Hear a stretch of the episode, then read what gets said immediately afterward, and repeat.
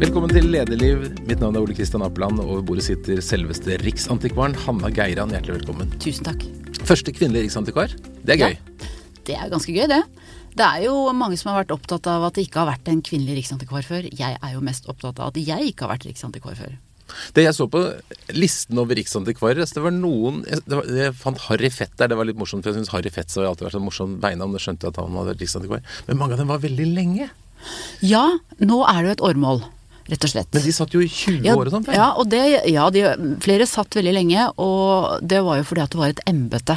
Nå er jo Riksantikvaren et direktorat, og da er det eh, åremålsstilling. Men da, det har vært markante menn, da, ikke sant, eh, før meg. og og eh, kraftige og kraftfulle fagfolk. Spennende personligheter.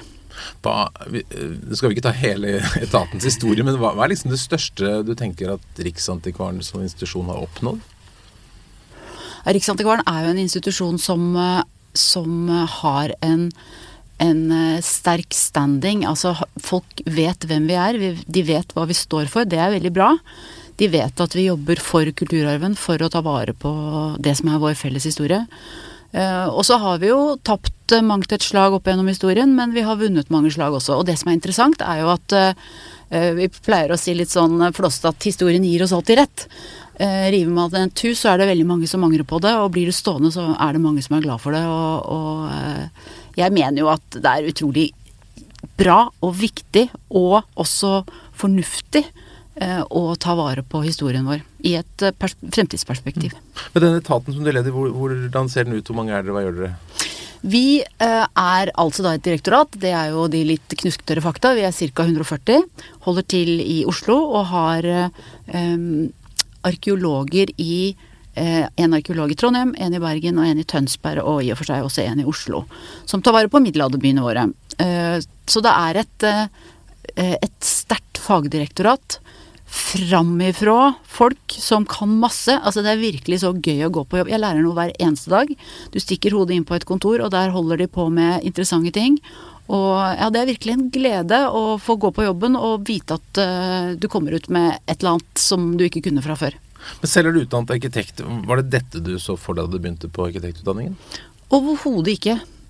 Nei, det var det ikke. Og jeg vil jo også si at arkitektutdanningen heldigvis har utviklet seg. Altså vi, vi lærte ikke så mye om bygningsvern og kulturminnevern for den saks skyld. Det var ikke noe fokus på det. Det er det nå. Eh, Det er det mange gode grunner til at det er. Men, men eh, nei, altså jeg skulle jo bli, eh, og ble også da, en slags tradisjonell arkitekt som jobber med nye bygninger. Men eh, jeg har alltid interessert meg for historie. Jeg har alltid Jeg har alltid, jeg har opp, også opp gjennom oppveksten vært med Faren min er også arkitekt, og han dro oss med på ting, og vi har sett på ting sånn opp gjennom oppveksten, og jeg syntes det var spennende, og jeg begynte å bli lei av det jeg holdt på med, og så tenkte jeg at det bød seg en mulighet. Da, da slo jeg til på den, og det har vært et veldig lykkelig valg. Det har virkelig vært et av de lykkelige valgene i livet. Er det noen sånne kjærlighetshistorier du vil trekke frem? Noen bygg du virkelig har blitt glad i eller forelsket deg i som ung eller voksen? Jeg vet hva, det Ja, altså jeg er jo rett og slett eh, Jeg er veldig glad i veldig mange bygninger. Um, Det er én en liten bygning som jeg syns illustrerer veldig mye av det vi holder på med. Og det er en bygning som jeg ikke visste om, og som barna mine kom hjem og fortalte meg om. Eh, ligger oppe i marka i nærheten av der jeg bor, og kalles Haralds hytte. Og eh, vi dro for å se på den, og det var et bitte lite skur. Ut, ikke isolasjon, altså vi snakker ti kvadratmeter, ikke ovn, ingenting. Det er eller bit, et bitte lite skur som lå der. Og historien var jo den at der bodde en av uteliggerne eh, i Oslo, og dem var det mange av etter krigen. Fordi at det var jo bolignød. Det var ikke mulig å få bolig, i hvert fall ikke for eh, enslige og menn. Og mange krigsseilere, folk som hadde opplevd ting under krigen som gjorde at de ikke kunne, kunne si, forholde seg til samfunnet, leve sammen, leve i en by. Og de bosatte seg i skogen utenfor i Oslomarka mange steder. Også der i nærheten av der jeg bor. Og på et tidspunkt, eh, i 1963-64, så kom Oslo kommune og brant ned alle disse små boligene. For det var jo det det var. Folk bodde der. Men Harald Grande, han hadde noen Han hadde nok eh, eh, sine problemer eh, på privaten og var litt paranoid og hadde lagt hytta si sånn at ingen fant den. Så den fant ikke. Og den hadde jo stått der, og han bodde der til langt ut på 80-tallet. Eh, sammen med sin gode venn Ivar. Han var kleptoman, og det var mye rart oppi der. Poenget var at, at eh, den var da blitt i gåsehøyne fredet av, eh, av han som var skogforvalter, som hadde funnet den, og bestemte seg for at den hadde han ikke tenkt å rapportere, den fikk stå. Og øh, og jeg var helt Jeg, jeg, jeg holdt på dette av stolen da jeg så dette. Jeg syntes det var så interessant. Her hadde vi et, eh, et bitte lite kulturminne. Veldig enkelt. Ikke noe rokokko, ikke noe barokk. Som fortalte en mye større historie. Og så er det blitt satt i stand. Historielaget har, um, ga penger. Det var dugnadsinnsats for å få det restaurert. Og så fikk vi, hadde vi en flott markering av, av Haralds hytte her eh, i vår. Og det var en stor opplevelse. Og jeg syns at den det stedet illustrerer veldig mye av det vi, vi, holder på med, vi som jobber med kulturminnevern. Det er jo et, er et bitte lite unnselig skur som forteller en, en, utrolig interessant historie som ingen har visst om. Det handler om eh, engasjement, altså noen som har engasjert seg for å ta vare på det. Det handler om dugnadsinnsats og frivillighet. Og historielag. Og, eh, og eh, formidling til barn og unge. Fordi at Håvard Pedersen, han som, han som da på å si fredet denne hytta i sin tid, han har formidlet dette stedet til barn og unge. Så det var mine barn. Altså jeg har trålet eh, marka der jeg bor fram og tilbake, opp og ned. Aldri funnet det. Aldri sett denne hytta før. Eh, men skoleungdommen der jeg bor, de kjenner godt til dette stedet. Og nå er det jo blitt et turmål. Og mm, gjestebok eh, Nå er det vel på gjestebok nummer to eller tre, tror jeg. Fantastisk. Ja. Veldig gøy. Men har, dere som, har du som riksantikvar også gjort noe med den? Dere, er den fredet, eller vurderer dere, eller? Nei, den er ikke fredet. Og det, det, er jo også et poeng at man trenger jo ikke å frede alt mulig. Denne blir godt ivaretatt. Oslo kommune har skiltet den som et kulturminne. Det er kjempebra. Eh, statsråden var på, på markeringen. Eh, ordføreren var på markeringen. Er, det er godt kjent. Vi trenger ikke å frede alt, og skal jo ikke frede alt. Men det viktigste er at den blir ivaretatt, og at det oppleves. Altså det er utrolig viktig at vi kan, om ikke bruke alle våre kulturminner, så oppleve dem, fortelle historiene. Fordi kulturminnevern handler jo om å fortelle historien til folk. Det handler jo om Vi tar jo vare på ting og fysiske objekter, men gjennom disse fysiske objektene så kan vi fortelle historier, og da er jo dette, denne historien om Harald Sytte utrolig god, syns jeg. Mm. Eller den illustrerer veldig godt eh, det vi, det vi driver med. Hvor går skillet mellom det som er en lokal uh, sak, og det som da kommer opp på Riksantikvarens store bord? Altså Riksantikvaren har jo det nasjonale ansvaret for kulturarven i Norge. Og vi har fredningsmyndigheten, uh, og vi har det som heter innsigelsesmyndigheten i, i plansaker. Men vi skal ha det nasjonale overblikket. Og så er det jo sånn at alle kulturminner ligger i en kommune. Og kommunen har et spesielt har et særskilt ansvar for å ta vare på kulturarven. Uh, og så er det jo sånn at vi har våre gode kolleger i de nye regionene, altså i fylkeskommunene, som har et stort ansvar for å ta vare på kulturminnene. Men både kommunen og regionene har, har dette ansvaret. Og, og um, særlig regionene har jo nå fått flere oppgaver knyttet til kulturminnevern i forbindelse med regionreformen. Og det er spennende, for da kan kulturarven bli en enda viktigere del av samfunnsutviklingen regionalt. Dere har fått litt oppmerksomhet i det siste for, i forbindelse med Y-blokken. Det må vi jo snakke om. For det er jo eh, Er det et slags nederlag for dere, eller for deg, at eh, det nå er, i hvert fall ser ut som Y-blokka kommer til å rives? Vi har jo pekt på at Y-blokka er en utrolig interessant og viktig bygning. Eh, når det gjelder Y-blokka, så er jo Riksantikvaren rådgiver for regjeringen. Og det er vi. Altså et, når man er et direktorat, så, er det, så er, har jeg regjeringen som øverste sjef. Så vi har gitt våre klare råd, og det har vi gitt over mange år. Dette har jo vært en sak som har gått over mange år. Og hver gang det har vært formell, et formelt stoppested, og så har vi eh, gitt råd der vi har anledning til det. Det har vært å ta vare på Y-blokka fordi at eh, det både er veldig viktig og interessant arkitektur. Det har jo kunst, altså utsmykning av Picasso. Og det er en eh, det er en veldig viktig del av vår etterkrigshistorie. Ikke sant? Dette handler om oppbygging av velferdsstaten, om, om ikke sant? Dette er vår, vår, nære historie. Og så er nok, tror jeg nok at Y-blokka kanskje ikke er blitt gammel nok. For det ser vi jo at bygninger er i, lever farlig i en periode før de har fått alderstillegget. Det er jo ingen som noen gang eh, har foreslått å rive Finansdepartementets bygning, f.eks.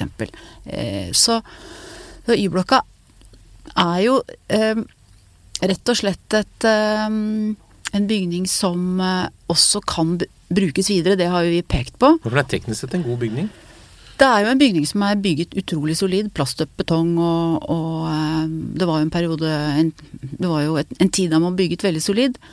Og også i et klima- og miljøperspektiv så har jo vi gitt råd om at det er smart å ta vare på Y-blokka. Den har jo tatt klimagassregningen. Og vi har også pekt på, en, eh, pekt på at det går an å rive den armen eller den fløyen, delen av bygningen som går opp mot Deichman. Mange er opptatt av at Y-blokka ligger kålete til i i bymiljøet. Og det er klart at um, det at Riksantikvaren foreslår å rive en del av et, det, det, vi mener er et viktig kulturminne, vært, kan jo være ganske mm. kontroversielt, mm. men vi mener at det kunne ha vært en løsning. Fordi du foreslår å kutte den ene armen ja, litt? Rett og slett. Og da ville man kunne tilbakeføre liksom Åpne plassrommet og få fram Deichman. Men det er våre råd, og det er regjeringen som, som beslutter dette til syvende og sist. Uh, men det har jo vært Det er jo nå blitt et stort engasjement for Y-blokka. Og øh, øh, Ja, øh, stadige avisskriverier. så har vi ulike roller. Riksantikvaren, som sagt, vi har vår rolle som direktorat. Og vi er ikke en interesseorganisasjon eller en Altså, der er det faktisk viktig å, å si at vi har ulike roller. Hvordan vil du føle den dagen den blir jevna med jorda? Som riksantikvar så er man aldri kan man ikke være glad når noen når det er bygninger som rives. Jeg syns jo at det er et poeng at vi skal ta vare på det vi har, og det er også kjempeviktig i et klima- og miljøperspektiv. Det er smart å bruke, bruke de arealene vi har. Det har jo også f.eks. Statsbygg-direktøren pekt på og skrevet om. Helt enig. Det er um, det å, det å bruke bygninger ikke alt, Det trenger ikke være kulturminner, men å bruke eksisterende bygninger er kjempelurt. Og så mener vi jo at det kan bidra til god byutvikling og verdiskaping og næringsutvikling også i tillegg. Så det er mange gode grunner til å la bygninger stå. Men tenker du at den saken svekker etatens autoritet litt, når dere så klart ikke vil rive noe, antagelig gå mot riving likevel? Vi har gitt de rådene vi har gitt, og de har vært klare og tydelige, og de har vært konsistente over tid. Men som sagt, det er altså regjeringen som tar den beslutningen. Det er jo som du sier mye protester og konserter og mye fint rundt for bevaring. Har vi hatt slike historier før i Norge, hvor folk har virkelig kjempet hardt for å prøve å bevare bygninger? Ja, det har vært mange vernekamper i Norge. Jeg tror nok denne er i, er i, eh, en særstilling fordi det er så veldig stort engasjement. Men uh, historien er jo full av at folk har uh, kjempet for sitt nærmiljø. Bakklandet i Trondheim f.eks. Eller uh, Mosjøen. Eller Arendal. Det er stuende fullt av eksempler på engasjerte enkeltpersoner og grupper som har, har slåss for, eller mot riving, og slåss for sitt lokalmiljø. Og det er jo durabelig spennende og interessant å se på. Det mener jeg. Fordi at de har jo vist seg at at det har vært lurt å ta vare på det. Mm. Altså Bakklandet er en kjempepopulær og viktig del av Trondheim. Eh, Pollen i Arendal f.eks., som jo sto for fall, ikke sant, er nå eh, et reisemål og turistmål og en viktig del av f.eks. Arendalsuka. Så vi ser jo det, og det er jo, jeg syns det er ganske interessant å, å eh, snakke om at vi jo har påvist at det er økt betalingsvillighet i områder med vern. Fordi øh, det er kjempefine steder. Og det er steder som har eh, Altså du kan være ganske sikker på at det ikke kommer et eh, signalbygg midt på Grünerløkka f.eks., som er et av de områdene vi har undersøkt. Og også i naboområder til områder med vern mm. er det mm, Så folk vil bo nært det gamle? Ja, fordi at det har kvaliteter. Og de kvalitetene er folk villige til å, til å bla opp for, rett og slett. Men det er, noe, det er, som du sier noe med alder, for alle ville ta vare på en stavkirke eller noe som er veldig gammelt. Men i Bærum f.eks. så er det en diskusjon rundt kommunegården, som ble bygget vel på 1980 80-90-tallet som skal bygges om, og hvor en del arkitekter det kan man ikke gjøre, for den er tidstypisk. Altså, hvor nytt kan noe være for at man, du tenker at det bør tas vare på? Altså Kulturminneloven, som jo er et av våre lovverk, har jo ikke noe aldersgrense. Eh, operaen ble jo fredet eh, da den var helt ny, f.eks. Ja. Og også enkelte boliger har blitt fredet med en gang. Og det, det eh, så, Sånn sett så er det ikke noen regler for det. Det er ikke noe i loven som sier at det må være 100 år, eller eh, Det hender jo folk tror det. Eh, og det er klart at det å ta vare på et arkitekturverk, da, kan man jo gjøre sånn som operaen. Ikke sant? Man sier at ok, dette, det er dette vi vil ta vare på. Men fredning betyr jo ikke at du setter en osteklokke over et hus. Eh, man skal kunne utvikle og endre, men det er smart og viktig at man tar vare på de verdiene som denne bygningen har. Og eh, eh, så kan man si at noen ganger så er det viktig å tilbakeføre, eller det er fullt mulig å tilbakeføre. Fjerne nyere tillegg og få det gamle uh, fram igjen. Eller så kan man si at nei, det er interessant at uh, ting har utviklet seg. Det er sånn det er med bygningene våre. De er blitt brukt til ulike ting, og da har de fått endringer. Og så er det interessant i seg selv. Så her er det ulike strategier. Det er ikke noe, det er ikke noe sånn Riksantikvarens to streker under eh, slik skal vi gjøre det med kulturarven. Mm. Er det noen ting vi har vært dårlige til å ta vare på fra historien vår? Altså er, det, er, det, sånn at vi har vært flinke til å ta vare på enkelte faser av historien og dårligere på andre? Så nå er jo Norge preget av at vi var et fattig land, eh, har vært et, eh, har vært et fattig land. Og, og, mange steder så har man eh, så, er, så har det ting blitt stående fordi, fordi, man ikke har hatt de økonomiske mulighetene til å utvikle det, og det har vi glede av i dag. Men om det er noe vi har vært bedre eller dårligere på, må jeg tenke meg om. Det er noen hull liksom i historien vår? Nei, jeg vil si det sånn at vi har en utrolig interessant palett med kultur Altså, kulturarven i Norge er utrolig interessant, og den forteller jo en Det forteller jo vår historie. Og vår historie er jo annerledes enn andre lands historie. Ikke sant? Sverige og Danmark, helt andre bygninger, helt andre kulturminner. Vi har jo fredet melkeramper, øh, vi har fredet øh, telegrafstolper, vi har teknisk industriell øh, kulturarv. Vi har fartøy, ikke sant. Tenk på kysten vår, tenk på fartøy, så viktig fartøyene og fartøyvernet er for for norsk historie. Så vi har en utrolig interessant eh, palett eh, med kulturarv, og dermed også historier. Så, så mm, Og det, jeg syns jo Jeg er så heldig å få, få reise rundt i Norge og, og se steder, treffe mennesker. Og, og nettopp det å, å peke på at vi har Eh, vi har unike historier overalt. Vi har kjempeinteressante eh, reisemål. Altså skal du, skal du, planlegge ferien din Nå sitter du og lurer på hvor du skal reise, så skal du reise i Norge. Og det er ikke bare fordi det er koronavirus, det er fordi at vi har, eh, vi har Det er masse spennende steder. Så vi har mye å være stolt av her i landet, og det er utrolig mange som, som bidrar til å ta vare på Vil du reklamere for et par kulturminner som du mener alle burde se? Oh, er sånn, Hvis du hadde vært sånn, hva heter det, reiseguide. for Norge, hva, hva vil du si er topp toppdestinasjoner? Ja, jeg syns det er så vanskelig å svare på, fordi at uh, Nei, vet du hva, det, jeg syns det er kjempevanskelig å svare på, men alt, ikke sant. Longyearbyen, Svalbard i nord, til uh, Lindesnes i sør, og alt imellom. Vi har verdensarvstedene våre. Vi har jo åtte steder på Unescos verdensarvliste. Og det er forbløffende hvor uh, lite kjent det er, og hvor lite oppmerksomhet det er uh, om det. Så det er i hvert fall viktig å få, få liksom, reklamert for. Mm. Du sitter faktisk i Unescos verdensarvkomité, stemmer det? Ja, Norge sitter i verdensarvkomiteen mm. fram til 2021. Fortell litt hva det er, for det er sånn begrepet hørt alle ja. på lista. Hva, innebærer det? Altså For det første så, så, kan man jo tro at verdensarvkomiteen er en liten trupp som, eh, som, eh, holder på og bestemmer ting, men det er altså et møte der det deltar 3000 mennesker. Det er et, det er et svært arrangement. Eh, ikke bare Altså det er 21 land som sitter i komiteen, der Norge også deltar. Og vi møtes eh, en gang i året. og det Der eh, vedtar man hvilke steder som skal komme på verdensarvlisten.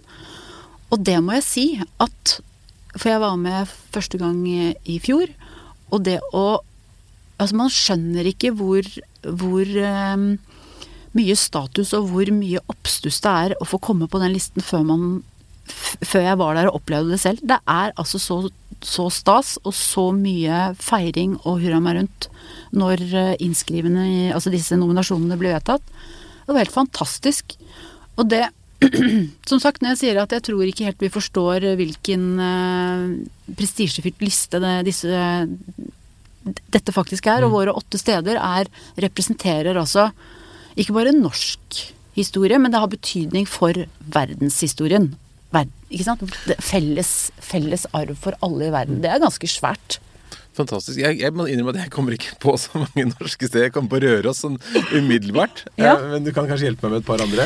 Ja, vi har jo helt eh, Hvis vi starter i nord, så er det det som heter Struves meridianbue. Det, det er altså en del av en større nominasjon som handlet om oppmålingen av verden. Det er et teknisk Hva skal man si, et teknisk eh, eh, kulturminne. En del, som, en del, av en større, større sammenheng. Og så er det selvfølgelig Bryggen i Bergen, som hadde jubileum i, eh, i 2019. Og det må jeg få fortelle, for det som er interessant, er jo at at jeg som sagt feiret 40, års, 40 eh, år på verdensarvlisten. Og rett etter krigen så gikk jo folk i demonstrasjonstog for å rive Bryggen i Bergen. Og det, eh, Bryggen representerte noe gammelt rukkel. Det var bort med de gamle rotter, og det var mye uhumskheter. Og de, de, ville ha det bort.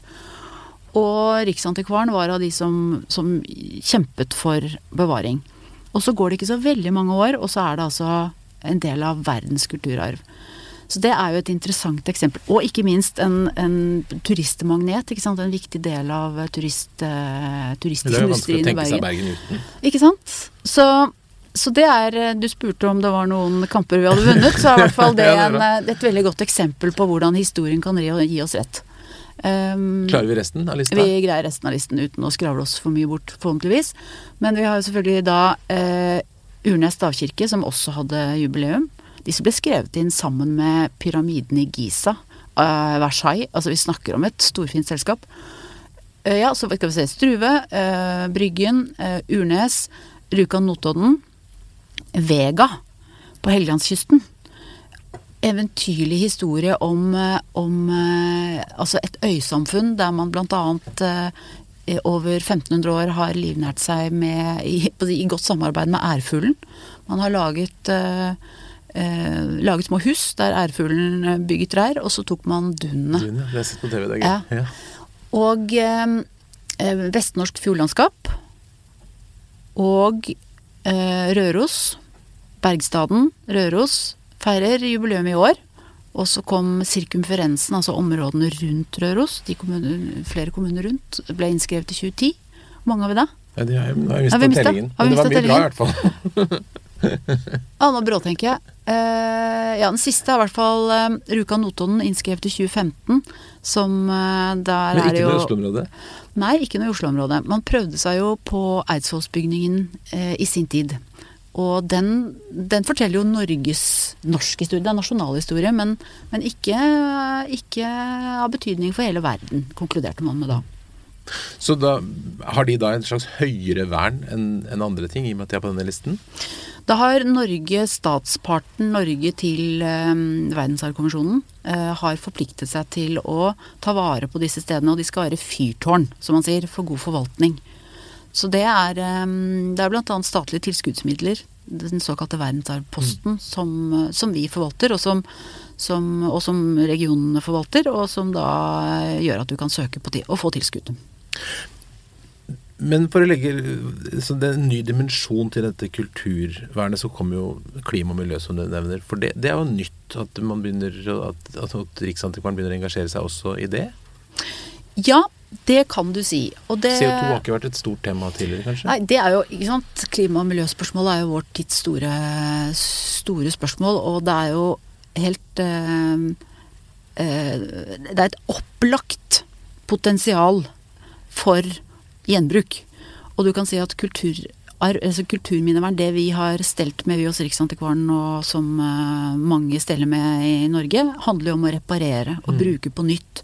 Gjenbruk. Bygging står vel for 40 tror jeg, av verdens utslipp? Ja, det er riktig. Og det, det, er klart at da, i det perspektivet, så er det å bruke det vi har, kjempelurt.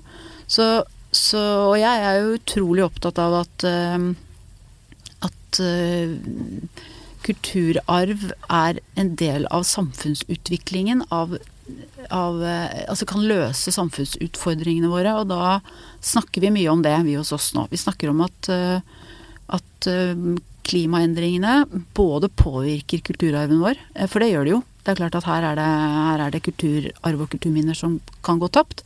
Men at det også kan være en ressurs. Og det å bruke bygninger på nytt, på nye måter, til nye ting, det er jo kjempesmart. Mm. Men noen av de verste til å ikke bruke bygninger er jo det offentlige, altså kommune og stat. Det står mange flotte bygninger i Oslo sentrum bl.a. Som, som står tomme, som er offentlige bygninger. Hva tenker du om det?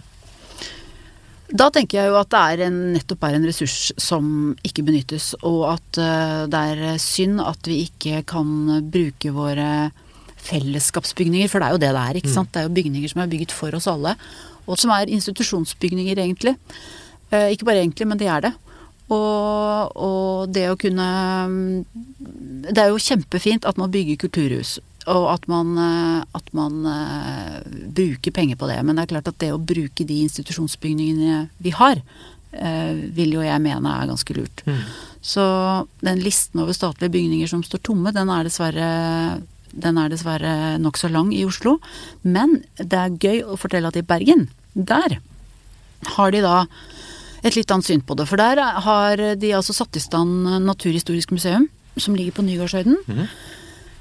Et fenomenalt museum. Helt uh, utrolig flott, og er blitt uh, er, er, har altså der har de tatt vare på en del av bygningen som, som det gamle museet. Og så har de en ny, bygd en ny aula, eh, ominnredet, og fått en ny aula. Og fått moderne museelokaler. Så jeg vil jo anbefale alle som er i Bergen om å ta turen dit. Det er et fantastisk sted med en botanisk hage utenfor. Men burde det ikke være sånn egentlig at når man da bygger, bygger f.eks. et nytt uh, Deichman eller et nytt uh, nasjonalmuseum, at man hadde et slags ansvar for å planlegge hva man skal gjøre med den gamle bygningen? Annet enn å si at det skal selges? Jo, uh, man bør ha en plan. Og det snakker man jo heldigvis om i større og større grad nå. At, at vi har en utfordring med de tomme bygningene, og at skal man flytte, så bør man ha en plan. Det, det er jo en god plan å ha en plan, vil jeg si. Men det er jo store prosjekter på gang i Oslo, bl.a. Uh, Ullevål sykehus, da, som er et kjempestort område med masse gamle bygninger. Hva, hva vil Riksantikvaren mene der? Det er kanskje litt tidlig, det er kanskje ikke noe dere behandlet ennå, men sånn magefølelsen? Nei, For det første så kan vi jo ikke bestemme om det skal være sykehus eller ikke være sykehus. Vi kan ikke, vi kan ikke bestemme hva bygninger skal brukes til. Men Eh, deler av Ullevål har jo vern, er fredet. Eh, viktig å si at det er veldig mye utvendig. Altså det er ikke, det er ikke mye innvendig på Ullevål som er fredet, det er bare bitte lite grann. Og det betyr at man kan bruke de bygningene på nye måter. Eh, og så er det jo da slik at vi ikke kan mene om sykehusdriften skal være her eller der, men, men både på Ullevål og på Gaustad så er det jo veldig Altså bygninger med veldig flotte kvaliteter som kan brukes på nye måter. Mm. Nå beskrev du i hvordan folk eh, ofte kjemper for bevaring og vil ta vare på ting, og dere kommer og, og kanskje bidrar positivt. Men dere oppfattes vel også noen ganger som en, eh, si, en, en sperre for framskrittet, og noe som ødelegger og bremser. er det mye kamp, syns du? Det er klart at det er ganske Det kan være ganske tøffe, tøffe diskusjoner. Eh, eh, saker som har høyt konfliktnivå. Det er, eh, det er, jo slik at eh, vi ikke nødvendigvis alltid er populære. Men det er jo ikke noe mål å være populær. Altså, vår oppgave er jo faktisk å ta vare på historien, ta vare på kulturminnene. Samtidig som vi i veldig stor grad, og antagelig i mye større grad enn i gamle dager, peker på mulighetene. Og, og eh, ha, det fins jo også veldig mange gode eksempler på at man har utviklet bygninger. Man kan bruke dem videre. Det fins uh, løsninger. Det vil alltid være Jeg tror nok alltid det vil være diskusjoner rundt det vi gjør, og jeg syns jo det er bra. Det, det er jo nifseste er om det blir stille. Og at vi er en tydelig stemme, det mener jeg er viktig. Og jeg Én ting er Riksantikvaren, men, men eh, det, jeg snakker jo også gjerne om at vi er flere og flere som er opptatt av å ta vare på historien. Og den pendelen som handlet om, nettopp, som nettopp Bryggen i Bergen illustrerte, da? Folk, som ville, folk som ville rive det, det eh, er en tid vi har forlatt. Fordi det å ta vare på historien, det å være opptatt av hvem vi er, det å høre til, det blir viktigere og viktigere. Det er min påstand. Vi ser jo det at folk er, eh, tar sånne DNA-prøver, ikke sant. Vil vite hvem de er, hvor de kommer fra. Eh, folk flytter mye rundt. Altså det er mye større altså demografiske endringer. Folk ønsker å høre til. Eh, det er en fragmentert verden vi lever i. Det er eh, diskusjoner som pågår parallelt, ikke sant. Eh, NRK som det samlende medium som alle hørte på, og som hadde alle ikke sant? De fellesreferansene vi hadde før, er borte. Og jeg tror at det det gjør at interessen for nettopp å holde tak i noe, holde tak i sin egen historie, er ganske stor. Og vi ser jo også det at uh, altså du trenger ikke gjøre annet enn å bla opp i Aftenposten en, en lørdag og se i boligsidene, og så ser du historien om et ektepar som har kjøpt et gammelt hus og satt i stand, ikke sant, og som begeistret forteller om dørstokken der eh, som har slitasjespor fra, fra tidligere tider. Så det er eh, veldig mye som tyder på at som sagt den pendelen, etterkrigspendelen som var, handlet om å hive alt det gamle ut og satse på fremskritt og teknologi og og, og uh, hive historien uh, ut av vinduet, den, det, det, endrer seg. Så på mange måter så jobber du i medvind? Jeg føler at jeg jobber i medvind, og vi som jobber med dette her er helt overbevist om at vi jobber i medvind. Og vi ser jo at uh, engasjementet for, for, å ta vare på kulturarven over det ganske land er kjempestor. Og veldig mange er jo opptatt av å Eh, stemmer i at kulturarven kan bidra til å skape næring, f.eks. kulturturisme. Det at man har de stedene i Norge som har tatt vare på kulturarven sin og bruker den aktivt, at de tjener penger på det, det har vi også tallfestet. Og det, det, er jo, ikke sant, når du skal reise på ferie, hvor er det du reiser da? Du reiser til steder som, har, som, som, som er unike, og som forteller historier. Folk reiser til Roma og Paris. Jeg fikk litt dårlig samvittighet i stad, for jeg tenker jeg har reist mer på de utenlandske verdensarvstedene ja. enn på de norske. Og da er når du skal planlegge ferien din, da vet du hva du skal gjøre. Ja, jeg skjønte det da. Men du har vært i Riksantikvaren lenge, og så i slutten av 2018 så ble du altså sjef. Da du tok den jobben, hadde du noen tanker om hva slags leder du ville være da? Jeg er i hvert fall en leder som uh, har uh, god kunnskap og kompetanse om, uh, om, det vi holder på med. Det er, tror jeg er viktig når vi er et fagdirektorat, for det er jo det vi er. Så, så har jeg også den fordelen, mener jeg, da, at jeg har jobbet utenfor Riksantikvaren. Jeg har jo sittet med Riksantikvaren på den andre siden av bordet. Og, og eh, de erfaringene har, eh, holder jeg tak i, selv om jeg har vært hos Riksantikvaren lenge. Det å være en eh, At vi er et direktorat som er løsningsorienterte, og som er raske, som tar i bruk digitale mulighetene, eller de tar i bruk de digitale mulighetene. At vi, at vi, at vi er et moderne direktorat, det, det, mener jeg er viktig. Har du gjort noen store endringer siden du har vært der? Som leder? Det er jo ikke så lenge. Nei, det er eh, slik at offentlig forvaltning generelt er i endring. Og det gjelder jo Ja, det gjelder, det gjelder veldig mange. Mm. Så, så vi også har vært gjennom en omorganisering. Og vi jo, har jo hatt regionreformen, så vi har vært en del av den. Og flyttet uh, ganske mange av våre eh, hva skal man si, saksbehandlingsoppgaver ut i regionene. De har fått større, større ansvar for kulturarven, og vi skal bli noe annet.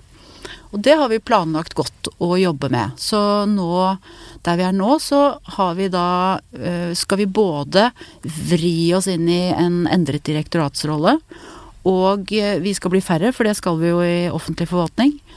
Og eh, vi har, eh, vi har et ansvar for å for å følge opp regionene. Altså vi, skal, vi får en ny rolle. Det er ganske spennende tider, altså. Hvilke utføringer har det gitt deg som leder? Nei, det er klart at å endre seg og gjøre så komplekse mm, endringer som vi har gjort eh, i det siste året, det er, det er jo ikke eh, Altså det er ganske krevende. Og eh, vi ser at dette året her handler om å få sant, sette organisasjonen, fortsette å få ting på plass, eh, utvikle oss videre, sette nye mål. Så, så det, er, det, er, en spennende tid.